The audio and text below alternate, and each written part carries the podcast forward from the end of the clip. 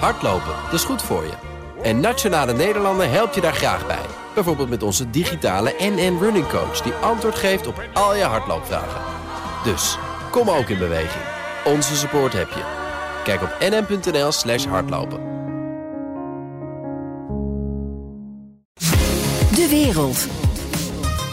Tijd voor het Brusselse nieuws met Europa-verslaggever Geert-Jan Haan. Terwijl Oekraïne nog wel even het toneel van Russische agressie zal blijven, is de rest van Europa druk in de weer met noodhulp voor Kiev. En zelfs het woord wederopbouw wordt in de mond genomen. Geert-Jan, eh, je bent deze week in Parijs geweest op een conferentie die Emmanuel Macron heeft georganiseerd. Welke vormen van hulp zijn er nu voor Oekraïne? Ja, we hebben de afgelopen uh, tien maanden hebben we gezien dat er militaire hulp naar Oekraïne gaat, financiële hulp, humanitaire hulp. En dan heb je hulp op de korte termijn en op de lange termijn. En dan heb je ook nog daarbinnen uh, financiën. Je kan geld aan Oekraïne geven, checks overmaken. Uh, maar je kan ook goederen leveren. En al die elementen zag je eigenlijk terug op die conferentie in Parijs. In de ochtend een internationale donorconferentie afgelopen dinsdag. Waarbij uh, ruim een miljard euro aan nieuw geld is opgehaald voor Oekraïne. Maar daar vielen ook goederen onder, zoals uh, tientallen miljoenen uh, LED-lampen die vanuit de EU naar Oekraïne gaan. Dat is dus concreet. En in de middag was er een investeerdersconferentie waarbij Franse bedrijven werden gekoppeld aan ja, Oekraïnse autoriteiten en Oekraïnse bedrijven. Wat kun je voor elkaar betekenen? En dat zijn dus allemaal schaakborden van hulp waar nu op gespeeld wordt. Ja.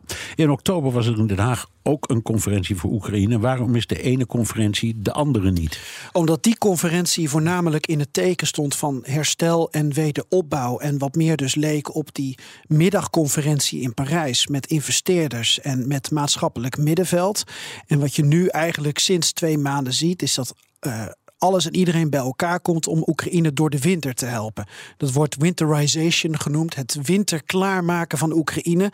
Nou, dat was eigenlijk een proces dat al maanden geleden in gang had kunnen worden gezet. De VN was er in uh, uh, juli al mee bezig.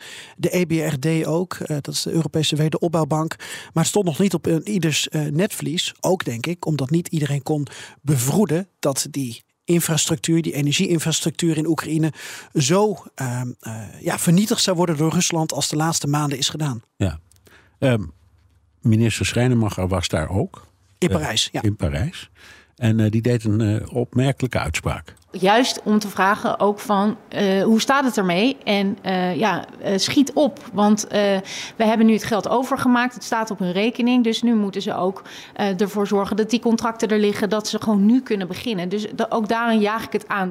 Ja, ik vroeg haar, uh, Bernard, uh, wat maak je op zo'n top, zo'n conferentie uh, voor Oekraïne dan mee en wat hoor je in de wandelgangen? En toen kwam ze dus met een antwoord over ja, haar gesprekken met de Wereldbank en de EBRD. Dat zijn twee grote financiële instellingen die ja. Oekraïne proberen te steunen.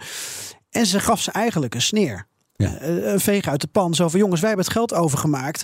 Uh, doe er nou wat mee. Ik denk dat ze heel erg eager is en heel graag wil dat er zo snel mogelijk wat gebeurt. Alleen dan had je misschien ook eerder als Nederland uh, 180 miljoen euro kunnen overmaken. Want je doet nu net alsof de bank het geld incasseert en dat er een dag later in Kharkiv ergens een grote generator staat. Ja, en zo werkt het natuurlijk. Alles duurt veel langer. Daar, daar hebben we het al eerder over gehad, ook in de uitzendingen.